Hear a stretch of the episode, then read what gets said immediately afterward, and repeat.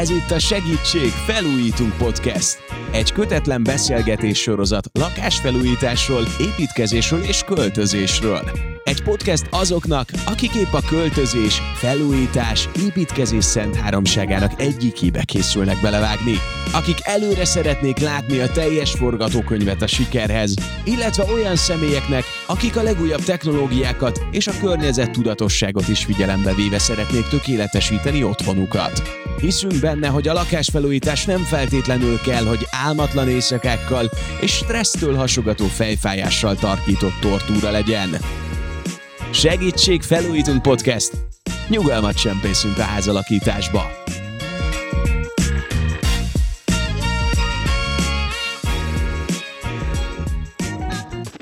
Az első lakóparkok körülbelül 20 éve jelentek meg Magyarországon, és a kezdetben az elérhetetlen luxust jelképezték.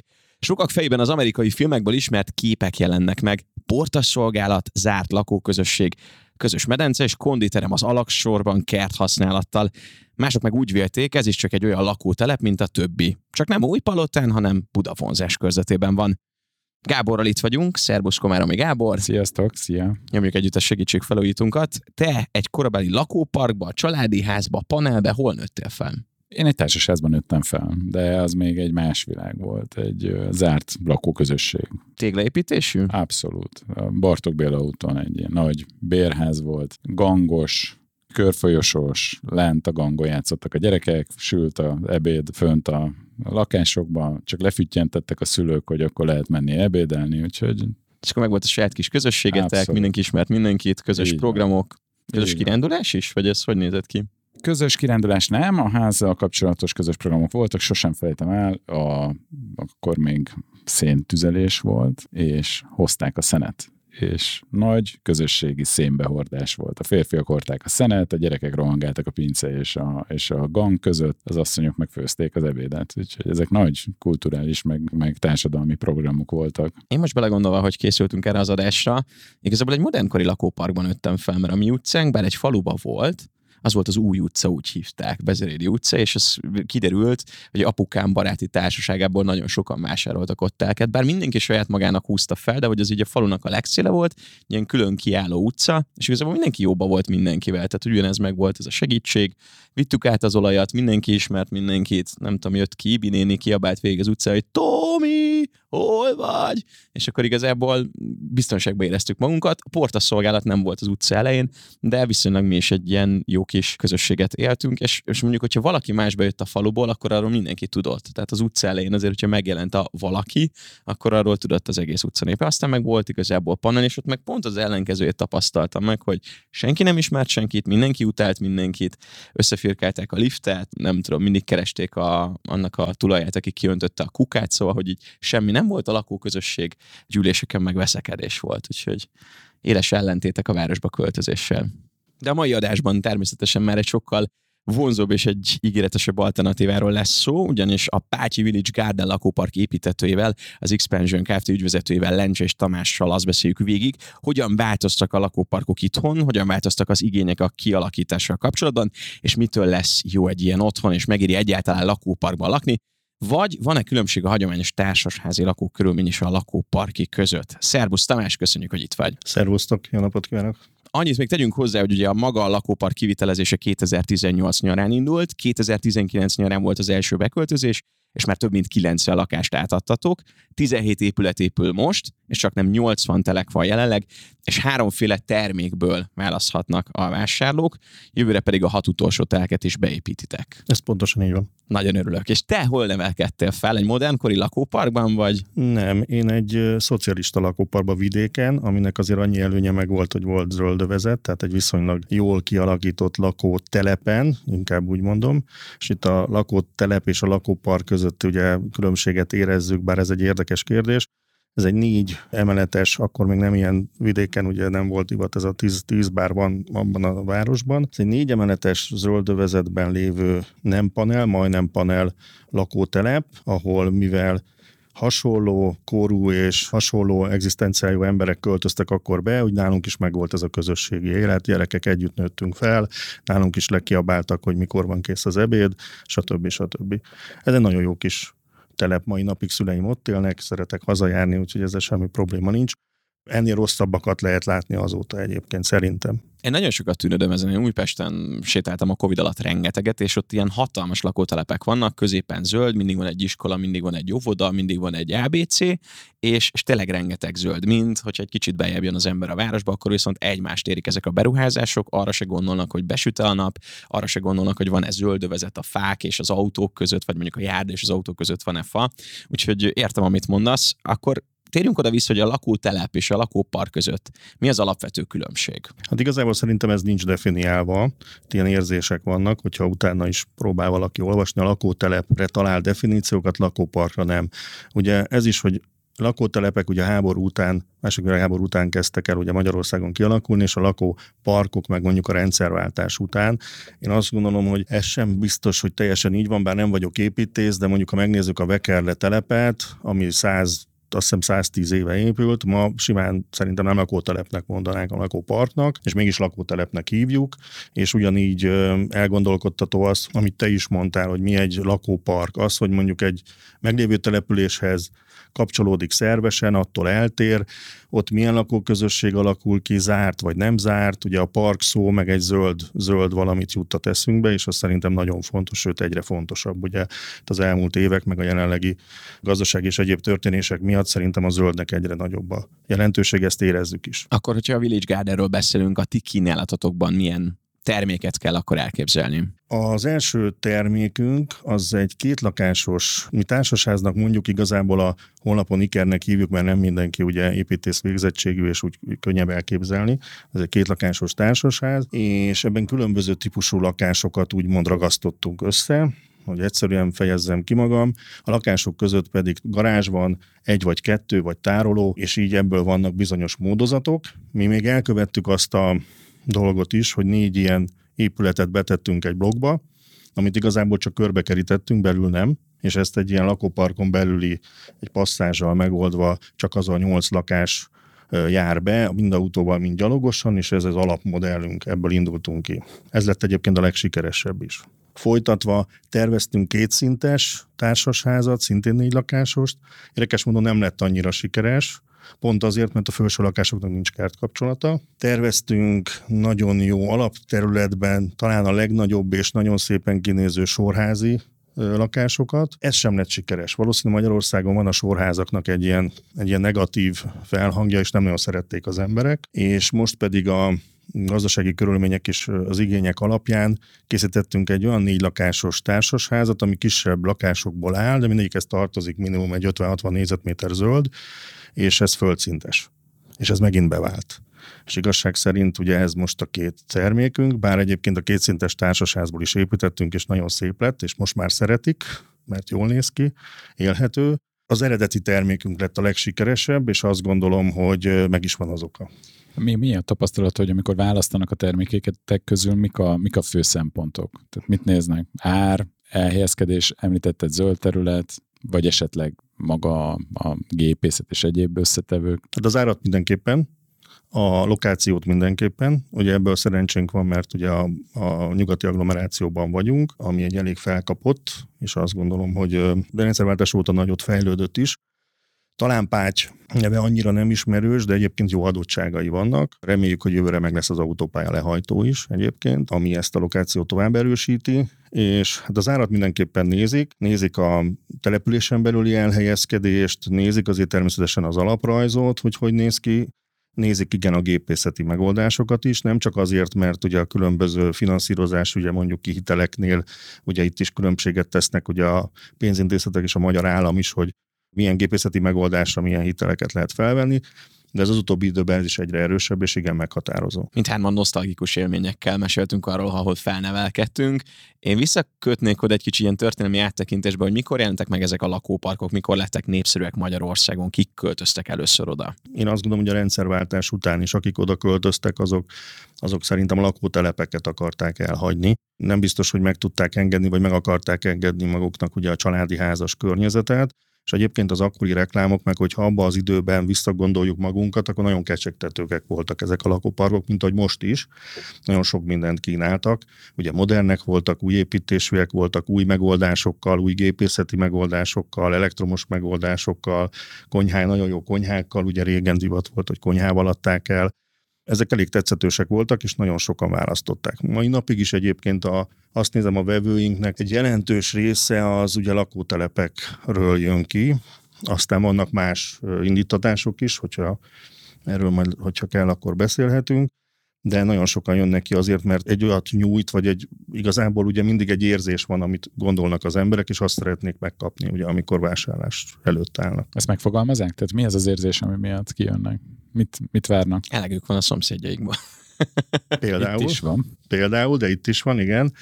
Ezt azért mindig el szoktam mondani, hogy ez sem szomszédmentes, de azért mégsem egy és nem leszólva, tehát annak is megvolt abban a korban a jogosultság, nem egy hatodik emeleti panel, ahol fölöttem is van valaki, ugye itt jön be az egy szint, ugye, Fölöttem, alattam, mellettem. Fölöttem, alattam, mellettem. Igen, itt van egy, ugye az alapmodellünket, ha nézzük, akkor van egy szomszédom, bár ugye nyolcan össze vagyunk zárva, de azért mégis könnyebben meg lesz szokni, igazából egy szomszédom van. És ha már itt tartunk, azért kecsegtető szerintem ez a modellünk, mert hogyha valamilyen zöld növényel, vagy esetleg fizikai kerítéssel, amit már annyira nem szeretünk itt ezen a blokkon belül, de mondjuk valaki ezt leválasztja, akkor kvázi olyan, mint hogyha egy családi háza lenne, mégis azért egy kétlakásos társasházról beszélünk, de az érzés megvan, amit ugye kérdeztél, és szerintem ezért lett ez sikeres, és senki nem azt mondja, hogy a lakásomba megyek, hanem nálam mindenki azt mondja, hogy a házamba, és ez, ez, ez, egy, ez egy jó visszajelzés volt nekünk. Mi a különbség a, az általad említett társasház, ikerház, lakóparki társasház modell, illetve a családi ház között? Tehát mi a különbség? Hát a különbség az, hogy az egy önálló telken van, egyedül vagyok rajta, ugye nagyobb a telek, ugye nem osztozunk, tehát itt azért ugye nálunk ilyen 800 pluszos telkek vannak, amin ugye két lakás van, hogyha azért valaki vesz családi háznak ugye egy telket, akkor ő is azért nagyjából ebből a nagyságból indul ki.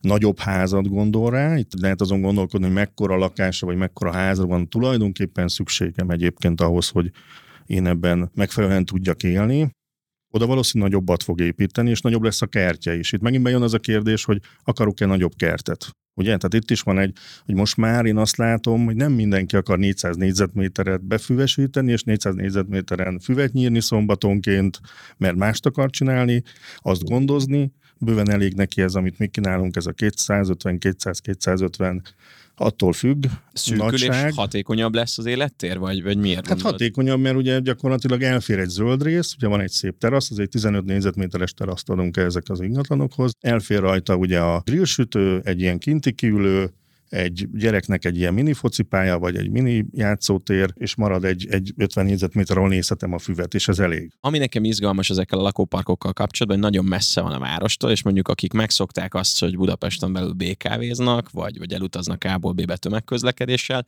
azért egy pács már, már ilyen elgondolkodós, hogy hogy jutok be. Gondolok itt most arra, hogy Budakeszi, dugó, nem tudom, M1-es dugó. Ezzel mi a helyzet erre? Bánthatnak-e titeket emiatt, vagy ebbe bele kell gondolni az embereknek, vagy ti ezt hogyan szoktátok lemenedzselni?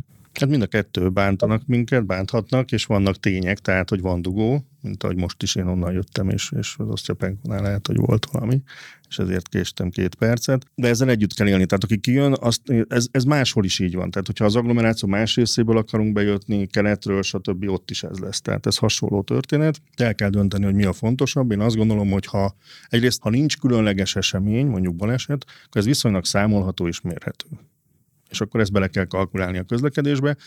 A másik, amit gondolok, hogy amikor egyébként nincs, tehát nem reggel iskolába megy mindenki és dolgozni, hanem mondjuk hétvége van, vagy este nem a hazajövő történet van, ugye ez érdekes, mert akkor meg ugye hazafele igyekszünk, akkor egyébként tény és való, és ezt őszintén mondom, 25 perc alatt el lehet érni mondjuk a Mon Parking. Ez, ez, ezt lemértük. Tehát, hogy hogy ez pedig azt gondolom, hogy nem egy rossz történet. Egyéb esetben még mondom számolható körülbelül, hogy mennyi időt lehet beérni. A másik, hogy 19-ben indult a lakópark, ugye 20-ba történt ugye a világban egy dolog, ugye ez a, ez a járvány, és ez egy kicsit megváltoztatta, ugye nem, nem csak az, tehát nem olyan értelemben az ingatlan piacot, amit ugye olvasunk és látunk, stb., hanem átalakult az emberek élete. És egyre többen home office-ban dolgoznak, egyre többen megosztva, tehát ezt a hibrid megoldást választják, és itt már azt gondolom, hogy azt mérlegelni, hogy én kijövök, tehát amikor mondjuk bezártság van, mert lehet még ilyen járványos, mindenki ugye azon gondolkodni, ne legyen, de azon gondolkodni, mi van akkor, és ez akkor megint oda a hatodik emeleti panel, vagy kijövök egy kis 200 négyzetméteres kert, egy félház ugyan, de ott vagyok. Ha ott kell bezárva lennem idézőjelbe, akkor ott jobban el tudom viselni, és egyébként mennyit kell nekem bemenni Budapestre? Tehát, hogyha mondjuk két napot megyek be, és hármat otthon vagyok, akkor már egy kicsit másabb ez a helyzet, amiről beszéltünk, szerintem. Nyilván az általad említetteket azért az is segíti, hogy a közösségi közlekedés is elég jelentősen fejlődött az elmúlt időben. Én most láttam, ugye én Velencei Tom elől járok be, és most látom, hogy milyen vonatok, milyen rendszerességgel jönnek onnan. Komolyan elgondolkodtam, hogy fölülök és kipróbálom. Eszméletlen. Figyelj, a Budapest-Fehérvár között, meg mondjuk a Budapest-Vác, az szerintem egy elég jól ellátott vonal. Tehát, hogyha én például költöznék, akkor mindenféleképpen számomra fontos ilyen márkár lenne, hogy mondjuk 15 perc alatt elérek egy vasútállomást, és akkor onnantól fogva már nem érdekel az, hogy van-e dugó, nincs-e dugó, mert fel tudsz ülni a vonatra, és tök jól tudsz közben dolgozni, zenét hallgatni, olvasni. Én az utóbbi időben például váltottam a tömegközlekedésre egy másik dolog miatt, és abszolút élhető, csak ki kell találni egy ilyen plusz feladatot, amit közben csinálsz hogy lekösd magad. Igen, itt ott néztük, hogy egy aspektusból néztük ugye a, a gépkocsi közlekedést, de teljesen jogos, hogy Egyébként a elővárosi közlekedés nagyot fejlődött. Én próbáltam ezt egyébként, ezt a vonatot érdemes kipróbálni. Én is agglomerációban lakom máshol, és ott jár ez a vonat. Pátyon egyébként nem, de viszont megoldották azt, hogy ilyen kis buszjárat van, ilyen 20 személyes buszjárat Pátyról Biatorbányra, és ott már megvan ez a vasút, tehát igazából erre gondoltak, és hogyha ebből indulok ki, akkor ez is működik, azzal a plusz, tehát be, bejön az, amit mondtál, hogy 15 perc alatt elérek egy vasútvonalat, és ott egyébként 20 perc alatt meg ben vagyok Budapesten és ez is egy alternatíva. Egyébként ezt is nézik, ugye nem mindenkinek kötelező autóval járni. Csak ugye alapvetően mindenki abból indul ki, ugye agglomerációban egy autó, két autó, ez már megint ugye megint az építészeti kialakítás, hogy mi már arra készülünk, hogy minden család két autóval fog kiköltözni, stb. stb. Említetted, hogy már ezzel terveztek, de milyen egyéb építkezési tervezési, kivitelezési nulla pont van így, amiből elindultok? Tehát hogy indul el egy ilyen projekt, amikor beszélünk például erről? Hát ugye fejlesztőként ugye mi nem egy-két ingatlanról beszélünk, hanem itt is ugye 80 ingatlant vásároltunk egyben, és ezt ugye próbáljuk egybe tervezni. Ugye vannak termékfejlesztéseink, de azért mi nézzük egyben is, hogy ugye itt öt utca van, annak a forgalmát, a kialakítását, arra el, hogy helyezzük el az épületeket. Most is egyébként egy projekt előkészítésben vagyunk egy következőben, mert ez már hál' Istennek lassan kifut, és ott is egyben is megtervezzük ezt az egész egészet, és nem csak az épületeket, hanem a, a bejáratokat, kerítéseket, stb., hogy meglegyen ugye ez a lakóparki jelleg, a, szerintem a szó pozitív értelmében. Ilyenkor ezzel is tervezünk, hogy az autók hogy állnak meg, milyen a forgalom. Itt egyébként a jelenlegi lakóparkban is, ha minden út elkészül, akkor lesznek egyirányosítások, pontosan azért, hogy a forgalmat megfelelően tudjuk terelni, ne legyen olyan forgalmas. Módosítottunk egyébként ezen is, mert egy utcaszakaszt egy sétáló utcává tettük, és akkor ezzel is csökkentve a forgalmat, ezt viszont nagyon szeretik a lakók, mert ott tudnak a gyerekek rollerezni, ott össze tudnak jönni a családok, tehát kvázi egy ilyen mini sétáló utcát csináltunk a tavalyi évben, úgyhogy nagyjából így. Akkor ez a beruházó feladata, aki megtervezi a projektet. Így van, természetesen minden átfuthatóságokon, minden átfut engedélyen, de a, a végén, tehát minden építési engedéllyel építünk, közműveket is, utakat is, de amikor ezt tervezzük, akkor igen, az utakat megtervez, és nekünk kell. Tehát itt az önkormányzat azért, mert én oda építek mondjuk egy 30 vagy 80 épületet, nem fog utat építeni, tehát én a komplett infrastruktúrát kiépítem, ebben benne van a komplet közmű, benne van az úthálózat, járda, közvilágítás, egyebek. Ezt én utána mivel nem zárt lakópark lesz, és itt akkor tegyünk különbséget, hanem ezek közutak lesznek, és közvilágítás lesz, és közmű, úgymond, most kicsit így mondva, ezt átadjuk a, az önkormányzatnak, illetve a szolgáltatóknak kezelésre és tulajdonban is. Amikor kiválasztatok egy ilyen hatalmas telket, ott mire kell figyelni? Az elhelyezkedésen kívül. Amiről eddig beszéltünk, hogy hogy fogják megközelíteni, milyen terméket tudunk oda föltenni, ugye, ugye az építési szabályzat megmondja, milyen épületeket lehet tenni, ugye mik az igények, mit gondolunk, hogy vannak ö, igények, ugye ahogy elmondtam, mi is változtattunk a terméken, mert változtak az igények, vagy esetleg rosszul gondoltunk, hát el kell ismerni, hogyha egy, egy termék nem is rosszul gondolunk, fejlesztünk egy másikat, úgyhogy ezeket megpróbáljuk ugye felmérni, és ez alapján megcsinálni, mert ugye elvileg ugye hát ezt értékesítjük, tehát valahol ki kell szolgálni a vevői igényeket. A környezetbarát aspektus az mennyire jön be, tehát hogy mennyire szeretnék, mennyire merül fel igényként, azon kívül, hogy mondjuk energiafelhasználásban mondjuk már legyen napelem, de hogy milyen dolgok vannak még, és hogy vágya ez a magyaroknak. Igenis, nem is. Tehát ugye, mivel elég árérzékeny ugye a piac, ezért elsősorban azt nézik, ugye ezek a megoldások, ezek költség. Ugye egy megtérülésről, ha jól tudom, volt már egy adás erről, és azt én végighallgattam, és ott nagyon jó dolgok hangzottak el, és teljesen igazak. Annyi szerencse van szerintem, hogy ugye a, a szabályozás is változik, tehát egyre, egyre jobban megyünk az energia hatékonyabb épületek felé, és csak az kaphat használatba engedélyt, amit mint építető, beruházó, kivitelező nekünk ezt le kell követni, és le is követjük.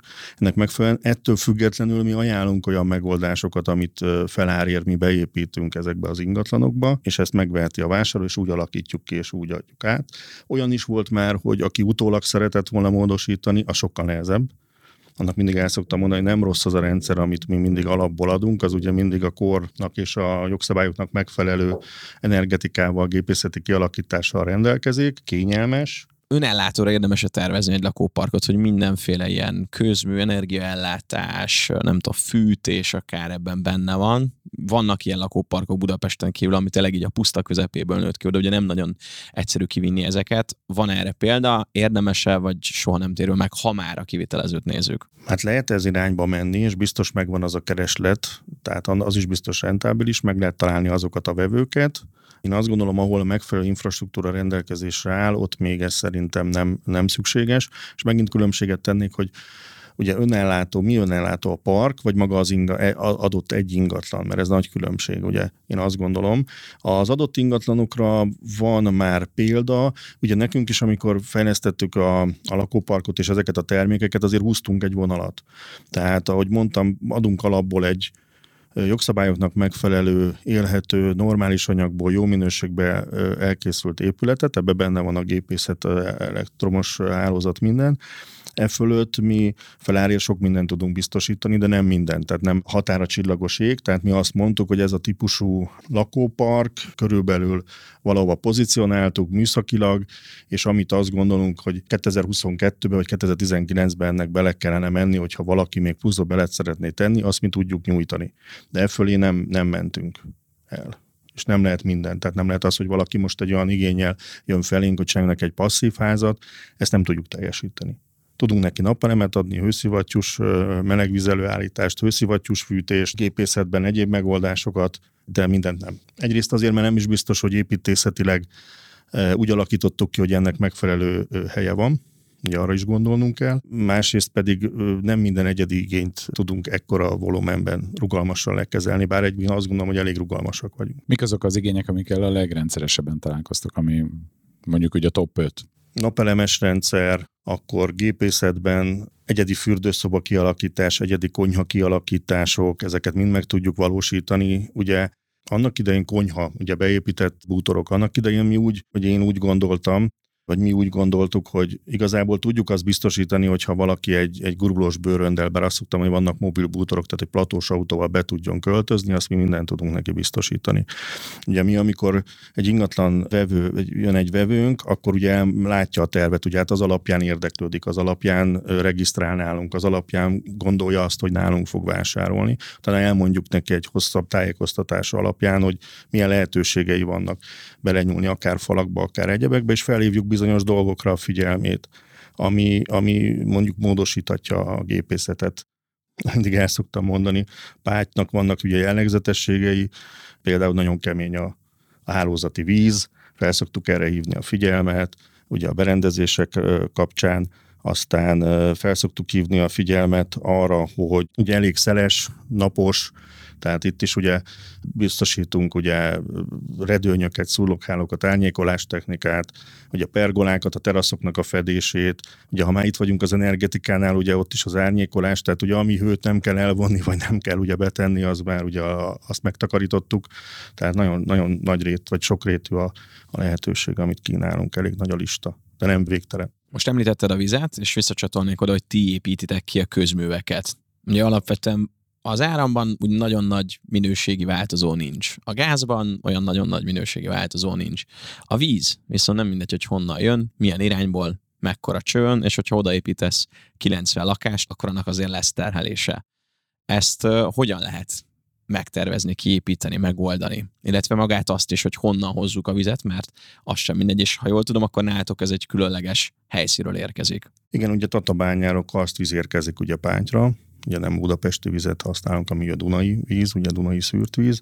Ennek ezért van meg ugye ez a elég magas keménység, egyébként 26 német keménységi fok környékén van, ami, ami nagyon magasnak mondható Magyarországon, és azért ezzel foglalkozni kell és foglalkoztunk is, tehát, ahogy elmondtam, mi mindjárt az elején, mivel tudtuk ezt, gyakorlatilag mi már a vevőinknek ezt tálaljuk, elmondjuk, és felhívjuk a figyelmet arra, hogy az ebből adódó későbbi károkért garanciát nem tud az építető vállalni, és ennek megfelelően én azt gondolom, hogy a vevőink nagy része ezzel foglalkozik is, hál' Istennek, és ezzel semmilyen probléma nincsen. Tehát ez egy adottság, amit Így van. Amúgy a, ugye a hálózathoz, mi a meglévő pátyi hálózathoz csatlakozunk, ugye annak idején amikor ez elindult, akkor ugye megterveztük. Ugye minden, egy, minden ilyen ellátásnak van egy, egy terve, annak van egy vízjogi engedélye, ahhoz az engedélyhez bekérik a szolgáltatónak a nyilatkozatát, ugye, hogy el tudja látni a területet. És mi annak megfelelően terv szerint építjük ki. Ott a megfelelő Ugye mindig átlagot számolunk, tehát egy megfelelő vízigényel számolva a lakóegységre elbiztosítjuk azt a kapacitást, amit kell, és ez rendelkezésre állt, amikor az építkezés indult,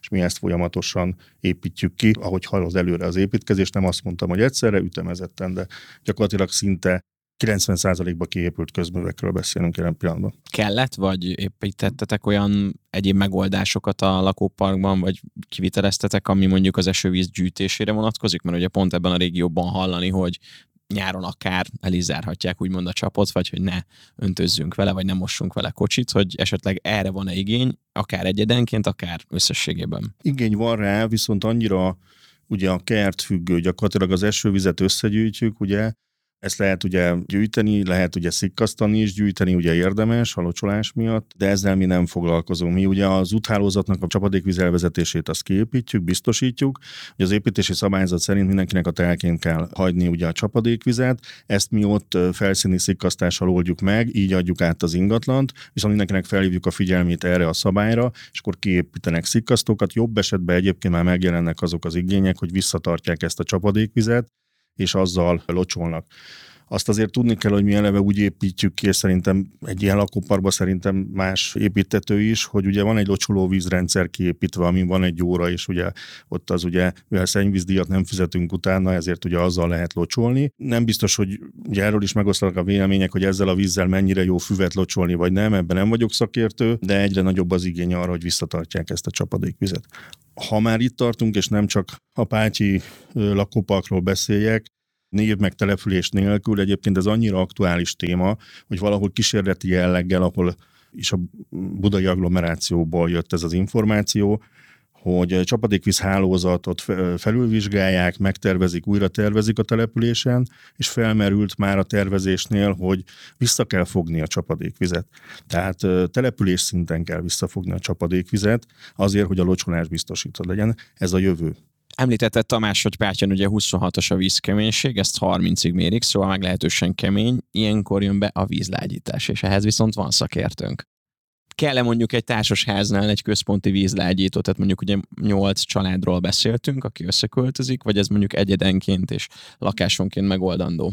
Hát nyilván a, egy pátyi viszonylatban azért ez egy, ez egy fontos kérdés. Én azt gondolom, hogy 26 német, ugye említett 26 német keménységi foknál a vízlágyítás gyakorlatilag elkerülhetetlen. Ettől függetlenül én azt gondolom, hogy ezt mindig lakóépületenként egyedileg vagy családonként érdemes célszerű megoldani, mások a szokások, mások a vízfelhasználási szokások, mások a, a fogyasztási szokások, nyilván így az üzemeltetési költség is jelentős mértékben változik, és szerintem ez így a legegyszerűbb, hogyha családonként van megoldva. Egyébként itt a Pátyi projektben, de házanként, illetve családonként van megoldva. Nagyon ritkán kerül ez központilag építésre, utólag pedig szinte soha. Tehát a leggyakoribb megoldás az, hogy az építkezésnél az építető felajánlja, és a megrendelő elfogadja, és akkor beépítésre kerül.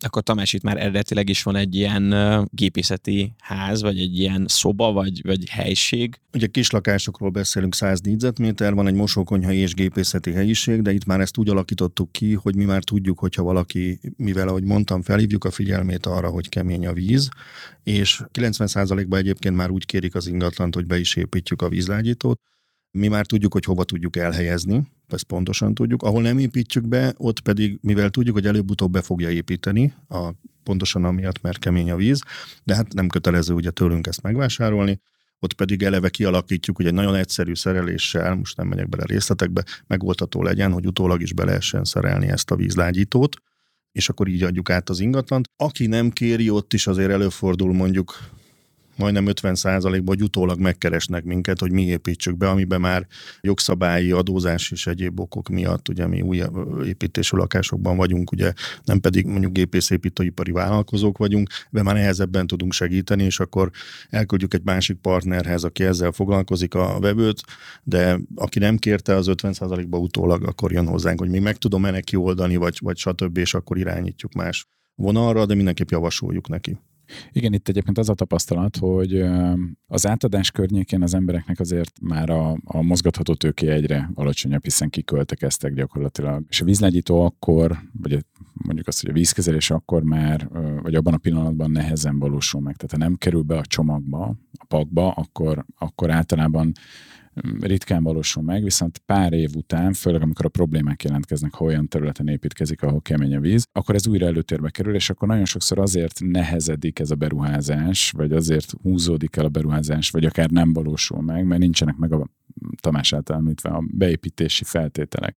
Úgyhogy egy nagyon érdekes, vagy egy, egy, egy ilyen nagyon elgondolkodtató dolog, hogy ha én tudom, hogy olyan helyen vagyok, ahol egyébként nagyon kemény a víz, és nekem azzal dolgom lesz, vagy lehet az elkövetkezendő időben, akkor érdemes a beépítés feltételeit a, az átadás előtt kérni, megvalósítani, és akkor utólag ez egy könnyen megvalósítható beruházás. Ez, ez, ez fontos, mert valószínűleg előbb-utóbb elkerülhetetlenné válik. És mondjuk, ha már az elején beépítik, az mondjuk olcsóbb, mint ha később építenénk be? Tehát ugye igen. amikor így megkeresnek igen, utólag, igen. akkor... Igen, ennek több oka is van. Van egy adózási oka, ugye, hogyha új építésű ingatlant adunk át, ugye az 5% áfa terheli, hogyha utólag egy kivitelezővel vagy vásárol, és úgy teszi be egyébként, ugye nem javaslom senkinek, hogy megvásárolja, és ő maga üzemelje be, azok a, mind az anyag, mind a díj, ugye 27%-os áfa terheli ezért célszerű. Egyébként én el szoktam mondani a, a vevőknek, és uh, itt egy kicsit kapcsolódok a Gábor általam mondottakhoz, és nem csak a vízkezelés témában, hogy utólag mennyivel nehezebb, és én mindig tisztában vagyok azzal, hogy egy ilyen ingatlant megvásárolni, az egy nagyon nehéz lépés, és valaki, aki hitelt vesz rá föl, akkor évtizedekig fizeti. Tehát ez talán az egyik legnagyobb vállás a családok életében és nem turkálva senki zsebébe, ugye azt szoktam mondani, hogy olyan kiépítést kérjen, amire utána rá tud csatlakozni. Tehát egy kanapét két évente le tudok cserélni. Egy ilyen kiépítést, amit mondjuk szerkezeti átalakításra vagy gépészeti átalakítással jár, ne talántán ugye valami roncsolásos megoldás, tehát bontás után a javítás, az mindig utána necces, egy új épületnek a szerkezetét megbontani, most ez pont éppen a gépészetre annyira nem vonatkozik, hogyha szépen és látva van szerelve, de mondjuk ilyen redőnytokok, meg egyéb megoldásoknál mindig el szoktam mondani, vagy előkészítés. Ha jól értem, akkor ez töredéke igazából a nagyának, tehát mondjuk egy ilyen, nem tudom, félmilliós berendezéshez képest egy ilyen kiállás, ez ilyen tízezres tétel lehet? Hát, hogyha az építkezés során erre ö, odafigyelünk és kialakítjuk, ez tényleg néhány, egy-két tízezer forintos beruházást jelent. Hogyha utólag gyakorlatilag vés nem kell, helyreállítom, stb., akkor ez több százezer forint is lehet, úgyhogy itt azért nagyon-nagyon sokat meg tudok spórolni hosszú távon. Beszéljünk magáról a lágyított vízről, mert bár ugye előállítjuk a, a, a vizet mondjuk a központi részen, de hogy az eljut-e mondjuk a csapomba is, mert hogy én azt iszom el, vagy sem. Ez egy döntés kérdése, hogy az optimum az az, hogyha a vízlegyító elől egy külön körrel elviszem a konyhába a kezeletlen vizet, vagy a lágyítatlan vizet, egy szűrt lágyítatlan vizet, és ott felrakok egy ivóvíz szűrőt, ha kell, vagy akarok, és a lágyított víz az a használati hideg, illetve a használati meleg vízrendszerbe folyik a gépek védelmére. És az egészségre ez milyen hatást gyakorol, tehát hogy iható-e? Minden vízlegyító berendezésnek van egy ANTS engedélye, ami hitelesíti, hogy ez fogyasztásra alkalmas vizet állít elő. Abban az esetben, ha ez bekeverő szerepbe van állítva 5 német keménységi fokra, ez a magyar ivóvíz kormányrendeletbe előírt minimum érték, tehát ez az 5 német keménységi fok, ezt a vízlegyítókon be lehet állítani és innentől kezdve ez a víz az fogyasztható. Ugye ami miatt sokan nem szeretik inni, hogy mivel alacsony a kálcium-magnézium tartalom, ezért az íze olyan steril, gyakorlatilag semmilyen, tehát az íz hatássér felelős kálcium-magnéziumban szegény ez a víz. De fogyasztható. Bekerül akkor ez a gépészeti elem, az a jó. Ezt ti hogy oldjátok meg, Tamás, hogy mondjuk a konyhába és a rendszerben más minőségű víz folyjon? Hát úgy, hogy mi minden lakásban két helyen, ahogy mondtam is, két helyen állunk be a, a vízhálózatról. Egyszer ugye ebbe a gépészeti helyiségnek mondott mosókonyha és gépészeti helyiségbe, és egyszer pedig a konyhába is. Így külön választjuk ezt a kettőt, és külön is kezeljük igény szerint. Tehát mind a két végponton van lehetőségünk arra, hogy kezeljük, ezt felajánljuk a vevőnek, és ő dönt, hogy éppen. Képzeld el, hogy mert hát nem titok a Tamással, most már három-négy éve együtt dolgozunk, BVT szinten. Ugye több csomagot állítottunk össze a vevőigényeknek megfelelően, vannak csak vízlágyító csomagok, vannak vízlágyító és vízszűrő csomagok.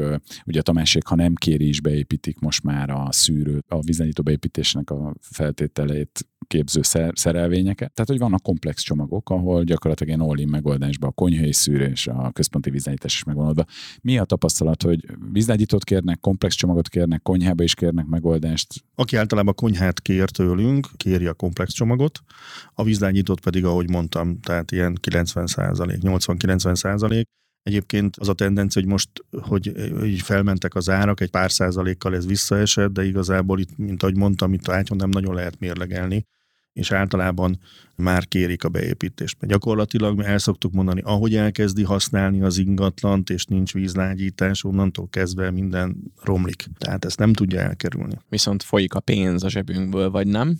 Mennyibe kerül mondjuk a só? utánpótlása egy ilyen 100 négyzetméteres ingatlan. A vízlegyító berendezés üzemeltetési költségére úgy kell tekinteni, hogy még mindig, mindig alacsonyabb. Mint venni egy új mosógépet? Mint venni egy, vagy javítani egy új mosógépet, vagy mint kifizetni azt a többletköltséget, amit a vízkőlerakódásokhoz a hőleadó felületen, tehát azt a vesztességet, amit elektromos áramba, vagy akár a gázszámlába többletbe kifizetek egy vízköves hőleadó felületen. Igen, tehát ne csak, a, ne csak mondjuk egy csaptelepre gondoljunk, amit, amit mondjuk lehet, hogy amúgy is lecserélünk tíz év múlva, gondoljunk mondjuk egy gázkazára, meg mondjuk egy használati melegvíz előállító berendezésre, ahol már teljesen más szemszögből kell ezt értékelni. De egyébként erre nekünk voltak méréseink, illetve kalkulációink, egy köbméter lágy víz, vagy lágy kezelt víz, az durván olyan 45-60 forintos plusz költséget jelent egy köbméter esetén. De hát ennek mondom, a többszörösét megsporoljuk. És mit kell vele csinálni? Tehát hogyan üzemeltetjük ezt a berendezést, mert hogy ezt így meg kell tanulni akkor? Hát a BVT-nek most már egészen felhasználóbarát megoldása van, hiszen a Best Water Home applikáció, amit fejlesztettünk, gyakorlatilag leveszi az üzemeltetési terhet a vállunkról. Most már ezekhez a készülékekhez applikációt adunk, és az applikáció szolgáltat, üzemeltet, és ha bármi tennivaló van, akkor jelzi ezt felém, a fogyasztó felé, és akkor a, tud azonnal akár az applikáción keresztül reagálni, tehát vagy sót rendelni, vagy, vagy szervizigényt be tudja jelenteni. Tehát akkor vannak vízlágyító szerelők? Vannak vízlány, úgy hívjuk, hogy akvamesterek az országban, ezek az akvamesterek pedig azonnal rendelkezésre állnak, jönnek és csinálják a, és kezdetek el, a, hogyha a Pátyi projektről beszélünk, oda már delegált akvamester van, tehát olyan, aki rendszeresen. Megvan a lakótelep. Igen, a lakótelep akvamestere, így van. Ez így van. Mindig azt szoktam mondani, hogy mi nem beszállítókat keresünk, partnereket keresünk, és akkor nem mindegy, hogy ezt adjuk, és leveszi a vállamról. Tehát én nem magyarázom el. Tehát a, a, az akfamester például csinált egy Facebook csoportot a lakóparkba, és ott oktat, és nekem nem kell és, és, és azt kell mondanom, figyelj, ez működik, ott van rajta a telefonszám, hív fel, és amikor ő beszól, hogy a Pátyi lakóparkból ez és ez vagyok, a nev, kvázi a nevén szólítja a BVT, mert regisztrálva van, és tudják, hogy ezt eladták neki. Tehát ezzel nekem nincs gondom. Ez nagyon-nagyon fontos, mert rengeteg más dolgom van, oké, hogy nem is extraként adom el, de extrát is adok. Tehát, hogy ez, ez, ez mindig fontos. Ezt is el szoktam mondani egyébként, hogyha megint visszatérünk a lakóparkokra. Szerintem egyébként ez fontos lenne, hogy, hogy amikor felárér adok valamit, akkor akkor én olyat adok, amiben tényleg megbízom, ami tényleg jó. Tehát, hogy alapárában megnézi az ember, hogy árértékbe mi, de én nem szeretnék vele utána foglalkozni, nem szeretnék vele extra garanciát, extra törődést, ezt vegye le a beszállító a vállamról, és ebben az esetben le is veszi. Sőt, olyat nyújt, amit mondjuk szerintem más, választhattam volna más típus, de ott ezt nem kaptam volna meg. És hogyha még ebbe ez társul egy jó együttműködés, akár ilyen csomagok kapcsán, tehát anyagilag is, akkor meg pláne ez. Tehát, hogy nem, nem kérdés, hogy én mit választok. Beszéljünk akkor a nehézségekről, srácok. Ugye van egy ilyen fura mentalitás, én is emlékszem, szolgalmi jók, hogy így átmegyünk. Vagy hogyha van valamilyen elektromos berendezés a területünkön, és ilyen csúnyán nézünk a szerelőre. Tehát, hogy van, nem tudom, hogy ez honnan jön, de hogy így nem nagyon szeretjük, ha valaki ott motyorkál, mászik, csinál valamit a mi saját telkünkön. Tehát hogy az én házam az az én várom. Ezzel mennyire találkoztok ti Tamás? Tehát például ugye nyolc lakóegységet mondtál, akiknek vannak közös területeik. Ezt a nyolc embert össze lehet békíteni? nem szeretnénk ezzel foglalkozni igazából. Mi úgy adjuk el az ingatlant, hogy ezek a szolgálmi jogok, ezek megvannak, be vannak jegyezve, elmagyarázzuk neki, hogy mit vásárolt. Tehát itt visszatérek a beszélgetésünk elejére, nem egy családi házat vásárolt egy telke. Mi elmondjuk neki, hogy mit vásárolt. Ebben például ebben a nyolc ingatlanban van egy közös út, ami telekhatáron megy, és mindegyik ingatlanból két métert veszünk el, és egy négy méteres út van, mert azon lehet normálisan járni. Ugye három a minimum, de ugye a négy az az ugye kényelmesebb, hogy ott autóval tudjanak közlekedni, és mi megpróbáljuk ebbe az oda betenni. Ami még közös, ugye a mérőhelyek, ugye az egyik, itt igazából, mivel két lakásos társasházról beszélünk az alapmodellünknél, itt megosztás is elég lenne, mert két lakásig igen, megosztási vázra az alapján egy használati megosztás, de igazából két, ennek voltak jogi okai is, meg, meg hitelfelvételi okai, hogy két lakásos társasházral is alapítunk, tehát van egy alapító okirat, és abban ezt lefektetjük. A mérőhelyek ugye az egyik, tehát valahol kell, el kell lenni, és annak mondjuk a közvetlen környezete ugye az az egyik lakónak a használatában van, de oda neki biztosítani kell azt, hogy évente oda tudjak menni, leolvasni a villanyszámlámat, na most, vagy a villanyórámat, Na most azért illik ugye szólni, hogy most fogok menni. Tehát ebbe, ebbe viszont azt gondolom, hogy itt egyezzenek meg a, meg a lakók, tehát ilyen szintig mi nem tudunk vagy akarunk belefolyni. Összességében kinek ajánlod a Pátyi lakóparkot? Mindenkinek. Mindenkinek, aki szereti. Mindenkinek ajánlom. Elég vegyesek a vevőink, életkorban, élethelyzetben is. Azért a, azt el kell mondjam, hogy a legtöbben ugye fiatal családok gyerekkel vagy gyerekvállás előtt választottak minket, de vannak idősek is, akik közelebb akartak költözni a, a közelben lakó gyermekeikhez, vannak elváltak, egyedül élők, egyedülállók. Van most, hogy kis modellünk van olyan is, aki még a pályája elején van. Úgyhogy elvileg mindenkinek. Azért is van ennyi termékünk, illetve szerintem ez a, az alaptermék, amit mondtam, ott is ugye beszélünk két szobás, három szobás ingatlanról, garázsral, garázs nélkül, tehát meg lehet találni azt a ami a pénztárcának vagy az élethelyzetünknek megfelelő. És alapvetően, hogyha nem is lehet így korosztálybeli különbséget tenni, de mondjuk így pénztárca tekintetében, ki az, akikre előttök, vagy mondjuk nem tudom, végzettség tekintetében van nem, ilyen, nem, ilyen nem, nem, nem, nem, nem teszünk különbséget. Tehát igazából vannak készpénzes vevőink, vannak hitelesek, de hát gyakorlatilag mindenki kifizeti az ingatlant és beköltözik, tehát ebből a szempontból nem, nem gondolom. Kiknek nem ajánlod mondjuk? Akár így financiális tekintetben? Tehát, hogy van financiális olyan, aki... tekintetben nem gondolnám, azt mindenki maga eldönti. Akinek nem ajánlanám, hogy azért ez egy lakópark, tehát itt van szomszédja, és és ezt azért figyelembe kell venni. Tehát aki, aki nagyon egyedül szeretne lenni, mondjuk nem akarom végletekig mondani, hogy költözön egy ranchre, de, de igazság szerint azért ezt el kell, el kell fogadni, hogy ez egy lakópark. És egy településhez kötődik, nem egy önálló családi ház. Aki ezt el tudja fogadni, annak, annak én ezt ajánlom. A környezettudatosságot amúgy már így az elején le kell fektetni, ugyancsak így mondjuk a lakók közösség irányába. Gondolok itt arra, hogy szelektíven gyűjtsük a szemetet, figyeljünk oda, hogy rendezett legyen ez a lakópark, ne szemeteljünk. A szelektív hulladékgyűjtés meg van oldva ugye Pátyon, ezzel, ezzel élnek, azért látok rossz példákat, tehát mindenki tapossa össze mondjuk a, a teljes doboz, de, de hát ugye ez is majd, majd gondolom fejlődik.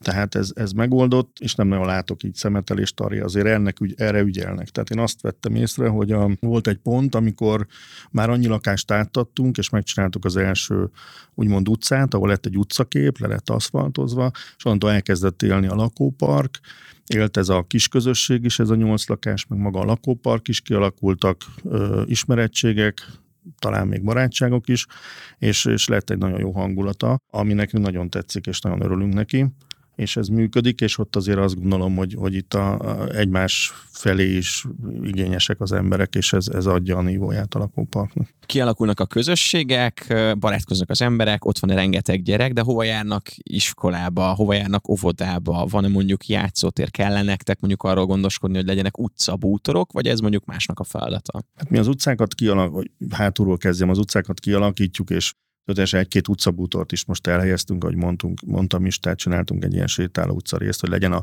pont a lakópark bejárat, vagy falu felőli úgymond idézőjeles bejáratánál legyen egy kis ilyen tér érzet, és ott egy kicsit összegyűlnek, mert egyébként összegyűlnek az emberek az utcán, hál' Istennek, gyerekek egymással játszanak, a szülők beszélgetnek, tehát megvan a lakóparknak a, az élete, aminek nagyon örülünk, tovább menve a kérdésekre, ugye a humán infrastruktúra kérdése az legalább annyira fontos, mint a közművek kérdése, vagy az úthálózat kérdése. Ugye nekünk az utánzatot megépítjük, kiépítjük a közműveket, ugye kapacitások jelen pillanatban még itt rendelkezésre álltak, úgyhogy ezzel rendben vagyunk. Erre is gondoltunk, és már a beruházás elején az önkormányzattal együttműködve egyébként itt mondanám el, hogy ekkora mértékű beruházásokat soha nem lehet szerintem önkormányzat nélkül csinálni. Tehát itt az önkormányzattal egyeztetve folyik minden.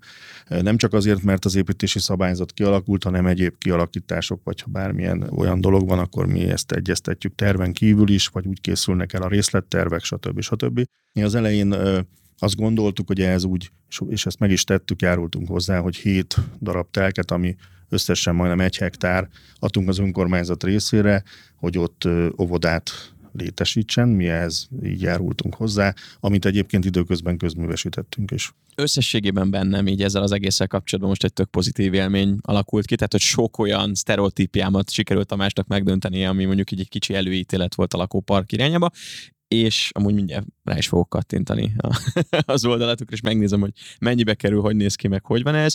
Úgyhogy köszönjük szépen, hogy megosztottad velünk ezt, hogy amúgy gondoltok, tudtok a, azokról a felmerülő kérdésekről, problémákról, amik az emberekben felmerülnek. Már egy kicsit előre mentek, együtt dolgoztok, megoldásorientáltak vagytok, szerintem ez tök példaértékű.